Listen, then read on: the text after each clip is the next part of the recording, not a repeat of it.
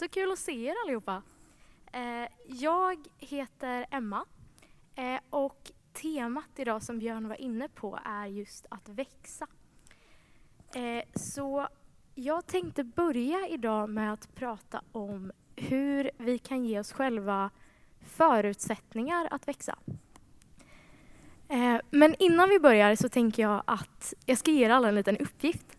Så om ni alla försöker tänka på tre ord som ni tycker, nu ska vi se, det här gick inte så bra, eh, som ni tycker beskriver vem just du är. Ja, och det kan ni kanske skriva ner på er telefon eller hålla i huvudet. Så fundera en liten, liten stund på det. Tre ord som du sätter din identitet i. Så. Ja, toppen. Funkar det? Ja. Eh, och hur, så vill jag ställa en liten fråga till er. Eh, hur många av er har minst ett av de här orden att det är någonting ni gör? Vilken handuppräckning. Jag är, jag är så i alla fall. Ja, några stycken. Det kan, vara, eh, det kan vara jobb, det kan vara skola, det kan vara en uppgift i kyrkan som ni har. Eh, och ni kanske ser att idag har vi ställt hit ett gäng krukor här som Björn var inne på förut och som vi såg Edvin leka lite med förut också. Eh, och med hjälp av de här så tänker jag försöka rita upp, måla upp en bild för er. Eh, tänk er att precis som i bibelordet sa här förut, att vi ska få ett träd att växa. Eh, och då kan vi plantera trädet i precis sån sån här kruka. Eh, och i, när, kruk, när, trädet väl är i krukan så kan vi vattna det, vi kan ta hand om eh, trädet. Men det finns en begränsning med krukor. Vet ni vad det är för någonting? Jo, eh, det är att hur mycket jobb vi än lägger på att vattna det här trädet, hur mycket jobb vi än lägger på själva krukan i sig, att förfina den, att putsa den, att dekorera den, så kan inte trädet växa sig större än den mängden jord som ryms i krukan. Eh, för att trädet ska kunna växa och bli stort så behöver vi plantera ut det i vår trädgård. Där det finns obegränsad tillgång på jord och vatten. Och där kan rötterna breda ut sig. Och där kan trädet växa sig stort och starkt. Du och jag, vi är det här trädet. Eh, och när vi i våra liv lägger vår tillit, när vi litar på våra egna prestationer, när vi lägger vår identitet, vilka vi är i vad vi gör och vad vi presterar, då blir vi eh, som, då blir de här tilliten till våra egna prestationer som en kruka omkring oss, som begränsar hur mycket vi kan växa. Och vi kan ha världens vackraste kruka, men mängden jord i vår kruka kommer fortfarande begränsa hur mycket vi kan växa. För ett år sedan så hade jag en skitsnygg kruka. Den, eh, den var putsad, den var väl dekorerad och den var ändå så här, ganska stor. Ehm, jag hade gått ut från gymnasiet med toppbetyg. Jag hade kommit in på läkarlinjen i Uppsala. Eh, jag hade klarat alla mina tentor där i två år. Det fanns visserligen saker som jag hade misslyckats, eller ja, lyckats mindre bra med, som jag hade misslyckats med. Men det hade jag ganska effektivt städat undan och valt att inte lägga min identitet i. Eh, om jag, precis som att jag bad er i början, hade beskrivit mig själv i tre ord för ett år sedan, då hade jag sagt eh, högpresterande, jag hade sagt läkarstudent och jag hade sagt kristen. Även om Gud inte fick jättemycket plats i mitt liv just då. För ett år sedan var jag visserligen ganska pluggtrött, men jag såg fram emot att få jobba en hel sommar på sjukhuset som skötare. Eh, och för mig var det här liksom ett första steg på min läkarkarriär. Jag tänkte att om jag bara går in och så anstränger jag mig tillräckligt mycket, kämpar tillräckligt hårt, då kan jag gå in och ska göra en felfri insats här på sjukhuset. Och så kan jag få bra referenser för framtiden. Men det blev inte riktigt så. Eh, drygt två månader in på sommaren så gjorde jag precis det som inte fick hända. Jag begick ett vårdfel. När jag skulle ta ett blodprov på en patient så råkade jag först sticka mig själv i fingret och för att dölja vad som hade hänt så fortsatte jag med att sticka patienten. Eh, och det här var ett medvetet beslut för att gömma att jag hade gjort fel. Eh, för att inte bli påkommen att jag hade gjort fel. Och inte nog med det, jag blev så rädd för att erkänna sen att jag hade gjort fel, att jag döljde det här. Till slut så, ja, några dagar efter det så berättade jag för min chef vad som hade hänt. För att ja, det behövde ju ändå utredas för det var ganska allvarligt. Eh, men när jag berättade så ljög jag och sa att det hade hänt i omvänd ordning. Att jag hade först stuckit patienten och sen råkat sticka mig själv. Allt för att framkomma i lite bättre ljus och att jag inte skulle misslyckats så mycket som jag hade gjort. Ehm, chefen trodde på mig, jag kom undan. Jag jobbade mina sista två veckor på sjukhuset och sen försökte jag glömma det som hade hänt.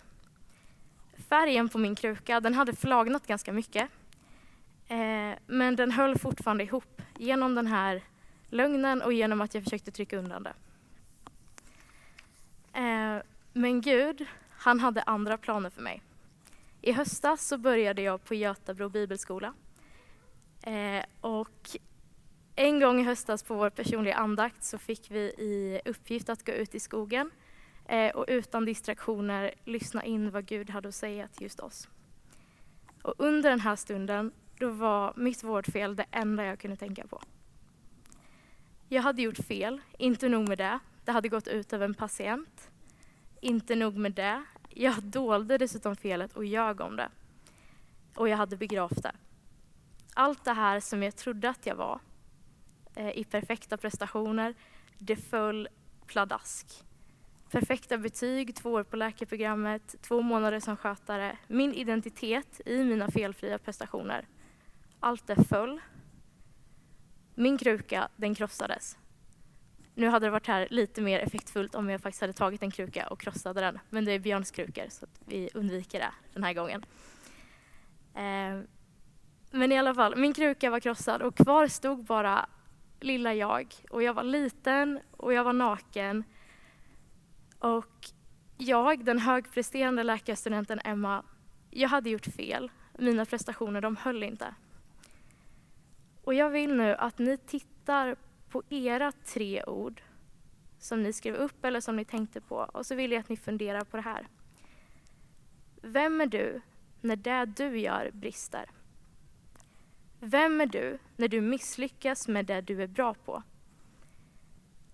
Om du lägger din identitet i vad du gör och har tillit till dina egna prestationer, vem är du när din kruka krossas. Jag skulle vilja ta med er till Jesajas bok kapitel 40 och framåt där Gud själv genom profeten Jesajas ord berättar vem han är. Så, så här står det i Jesaja kapitel 40 och vers 25 och 26. Med vem vill ni jämföra mig vem är min like, säger den helige. Lyft blicken mot skyn och se. Vem har skapat allt det här? Han som mönstrar stjärnornas här och låter dem tåga fram. Han som ropar upp dem alla. Så väldig är hans makt och hans styrka att ingen av dem uteblir. Alltså wow, när jag läser den här bibeltexten då slås jag alltid av Guds enorma storhet. Har ni kollat upp på en stjärnhimmel någon gång? Ja. Varje gång jag gör det så blir jag alldeles helt lamslagen. Alltså tänk att de där ljuspunkterna vi ser där uppe, alltså de är flera hundra gånger större än våran skitstora planet. Det är helt galet. Och eh, ljuset vi kan se just nu, det är så långt bort att det har tagit många, många tusen år för att nå mitt öga just nu. Och även om jag kan se liksom ja, hur många som helst stjärnor, jag kan se stjärntals himl, alltså stjärnor uppe på himlen, så är det ändå bara en liten, liten bråkdel av alla de stjärnor som finns i hela universum. Och vår Gud, vår Gud, han har skapat till och med de här stjärnorna. Gud själv, som vi kan be till och få svar av, han har inte bara skapat oss och hela vår fantastiska planet, utan även hela universum. Alltså tänk vilken makt och vilken styrka. Men Gud här i Jesaja beskriver inte sig själv bara som avlägsen. Han är också nära och han har utvalt just dig. Och det här fantastiska löftet om att få leva i gemenskap med Gud gäller just dig. Han gav löftet då och det håller idag. Så nu vill jag ta med er till Jesaja 41, vers 9 till 10. Och det här kan ni läsa som ett tilltal till just dig idag. Du är min tjänare. Jag har utvalt dig. Jag förskjuter dig inte. Var inte rädd. Jag är med dig. Ängslas inte. Jag är din Gud. Jag ger dig styrka och hjälper dig. Jag stöder och räddar dig med min hand. Alltså, vilka ord! Vilket underbart löfte det här är. Att Gud, den största skapare av universum, skapare av dig, skapare av mig, han har valt ut just dig och mig till att vara hans. Det här löftet gav långt före Jesus tid till Israels folk. Men genom det nya förbundet, genom Jesu död och hans uppståndelse, så gäller det här löftet oss också. Alla människor och alla folk är utvalda av Gud, den största skapare av universum. Och det gäller dig och det gäller mig också. Alltså, ja, wow. Och det här är den Gud som för lite mer än ett halvår sedan mötte mig där i skogen och påminner mig om att jag hade gjort fel. Som genom det krossade min kruka. Men det mest fantastiska vittnesbördet i det här var att ja, visst var jag där utan kruka, liten och naken, men jag var inte ensam i det.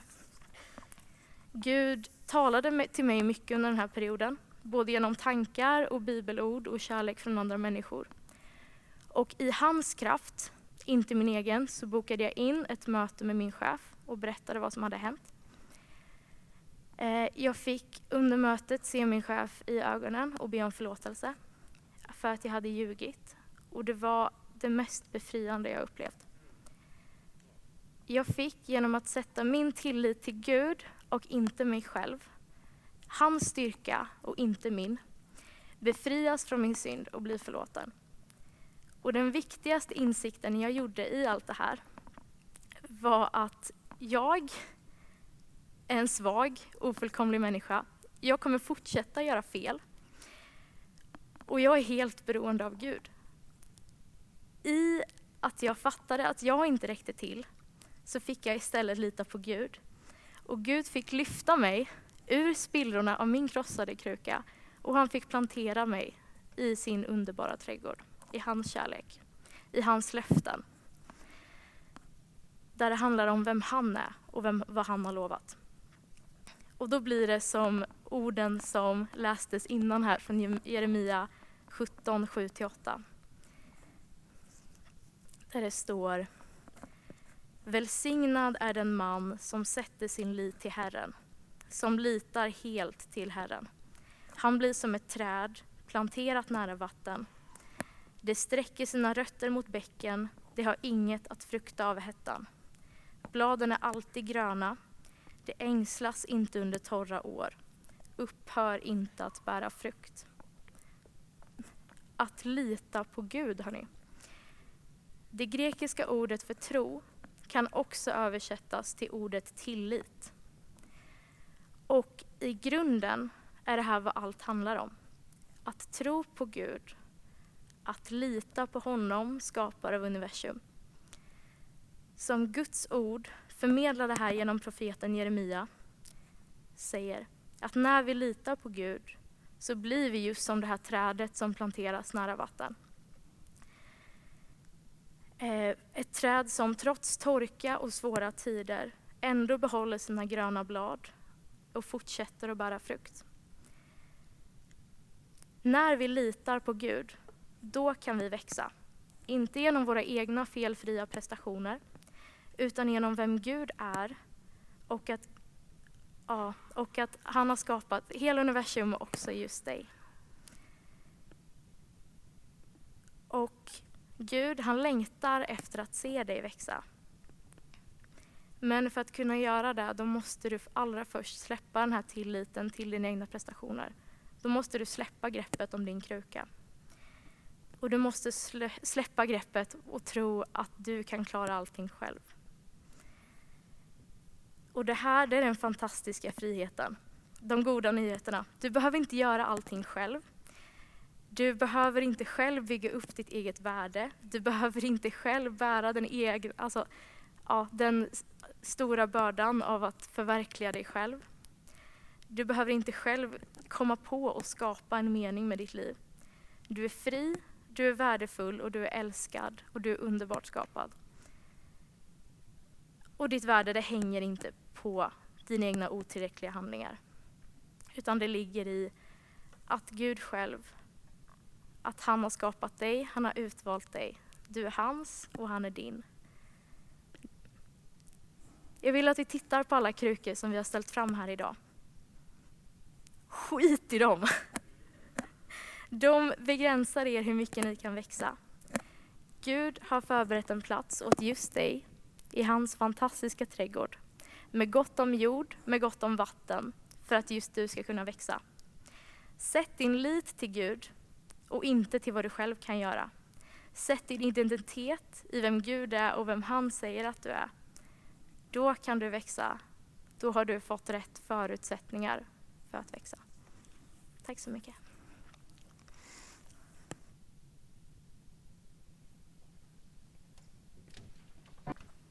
Hallå!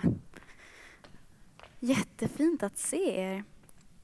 Fatta att det har gått tre månader sedan vi stod här uppe och blev introducerade. Det är lite sjukt hur snabbt tiden har gått.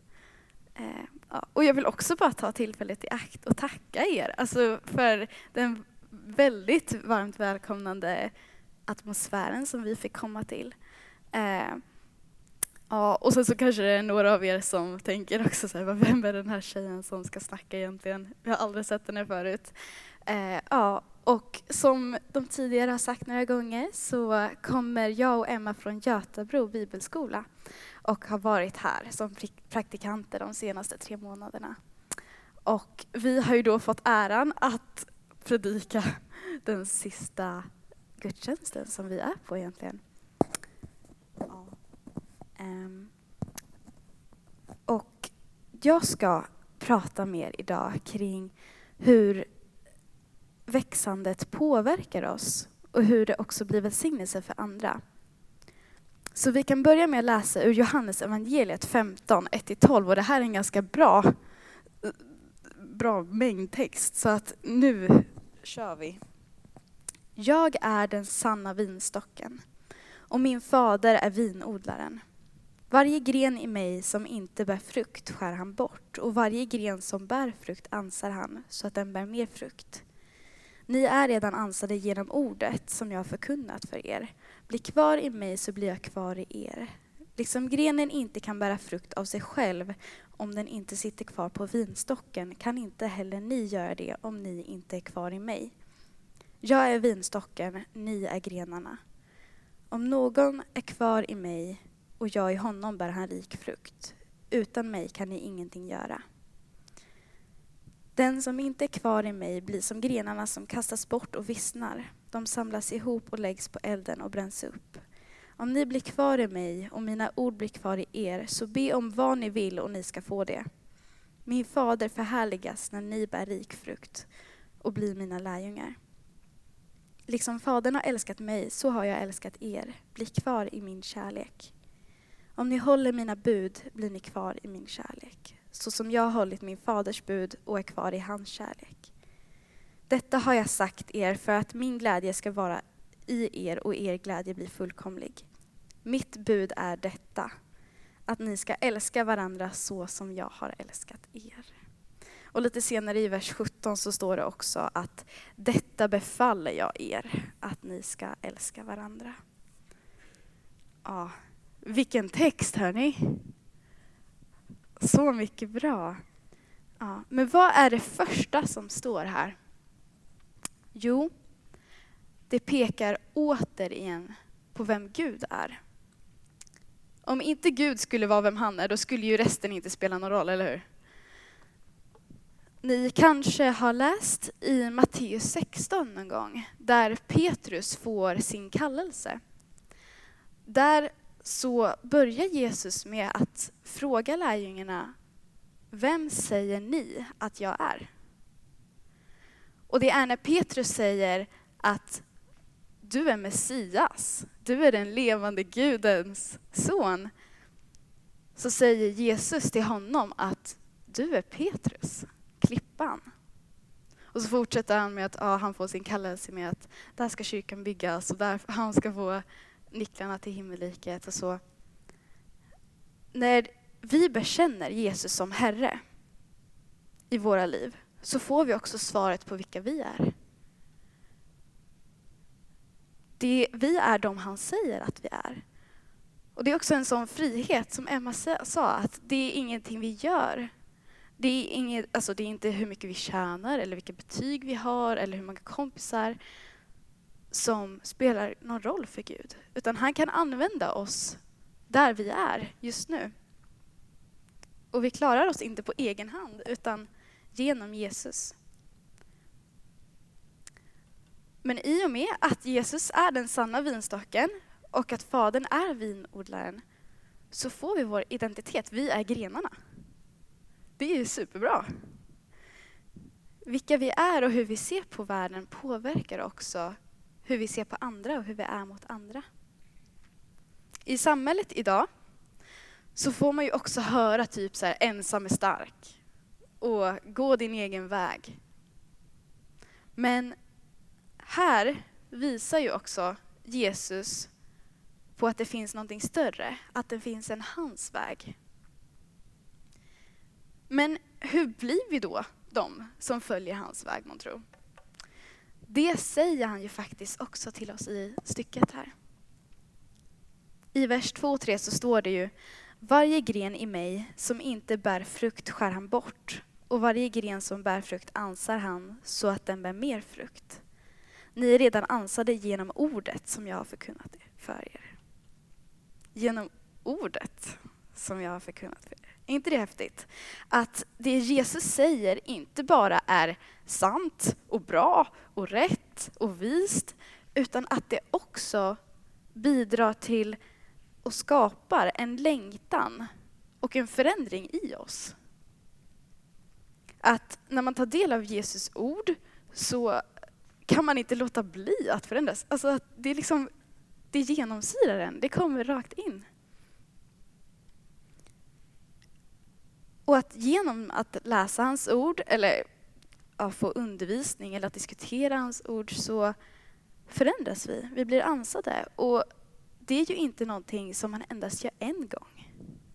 Ni som har något äppelträd eller något annat fruktträd hemma vet ju att man kan inte bara klippa till det en gång. Utan det är ju någonting som man år efter år behöver hålla undan, eller hålla efter för att det ska fortsätta bära frukt. Och det vi ska göra är att vara kvar i hans kärlek så att vi fortsätter bära rik frukt. Vi blir formade till lärjungar, inte bara för att gå ut i världen utan också för att vi ska kunna ha en nära relation med Gud. Det står ju till och med att vi ska, vi ska få allt vi, vi vill när vi ber till Gud. Men när vi har blivit ansade också genom ordet så lever vi i Guds kärlek så att det blir ju inte längre min vilja som är det viktiga. Då kan vi också använda Jesus bön. Eh, kanske en dag så verkligen känner du inte för att gå och prata med en vän som du vet inte mår så bra eller som skulle behöva ett samtal. Eller oh, jag vill verkligen inte hålla smågruppen idag eller något annat i vardagen. Men då blir bönen fortfarande Gud, jag vill inte det här nu. Du får gärna ta bort det. Men låt din vilja ske. Jesus säger ju aldrig att det ska vara lätt att vara kristen. Nej. Men han säger att han är med oss varje steg vi tar och att vi ska leva i hans kärlek. Men hur fortsätter vi då att leva i hans kärlek? Det står ju också i vers 8-9. Om ni håller mina bud blir ni kvar i min kärlek så som jag har hållit min faders bud och är kvar i hans kärlek. Det är alltså genom buden som vi är kvar, som vi stannar kvar.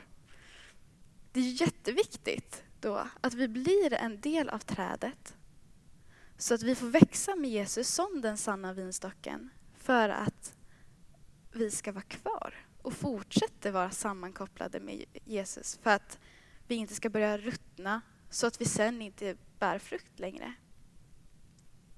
Vi blir som de vissnande grenarna. Och vad är ju då hans bud?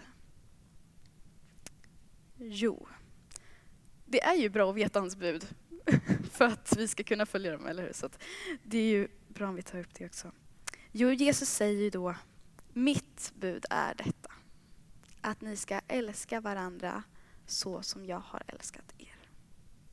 Det är det vi är kallade till. Det är så glädjen blir, blir fullkomlig. I samhället idag så behöver vi också konstant vända oss mot Gud och göra valet. Så många saker bråkar ju konstant efter vår uppmärksamhet. Vi ska vara engagerade i våra barns sporter. Vi ska vara bra kollegor, se bra ut. Vi ska ha mycket pengar, hälsosamma. Vi ska ha mycket på sociala medier och så vidare och så vidare och så vidare. Men det Jesus säger är viktigt är ju att vi älskar dem i vår omgivning. Då får vi också växa. Det är det som är viktigare än allt annat. Och då pratar jag inte om kärlek som behöver få någonting tillbaka eller eh, någon kärleken som vill ha uppmärksamhet utan den kärleken som får folk runt omkring oss att förstå att vi är lärjungar. För den kärleken övervinner allt och den kärleken är från Gud. Som Björn sa i inledningsorden, vi ska vara snälla mot varandra. Mm. Så min bön för er idag är att ni ska fortsätta bli ansade av Gud genom Jesu ord. Så att ni inte bara blir kvar i Guds kärlek utan Guds kärlek sprids vidare genom er. Mm. Och nu är det också dags för en stund för gensvar och reflektion eh, och bön.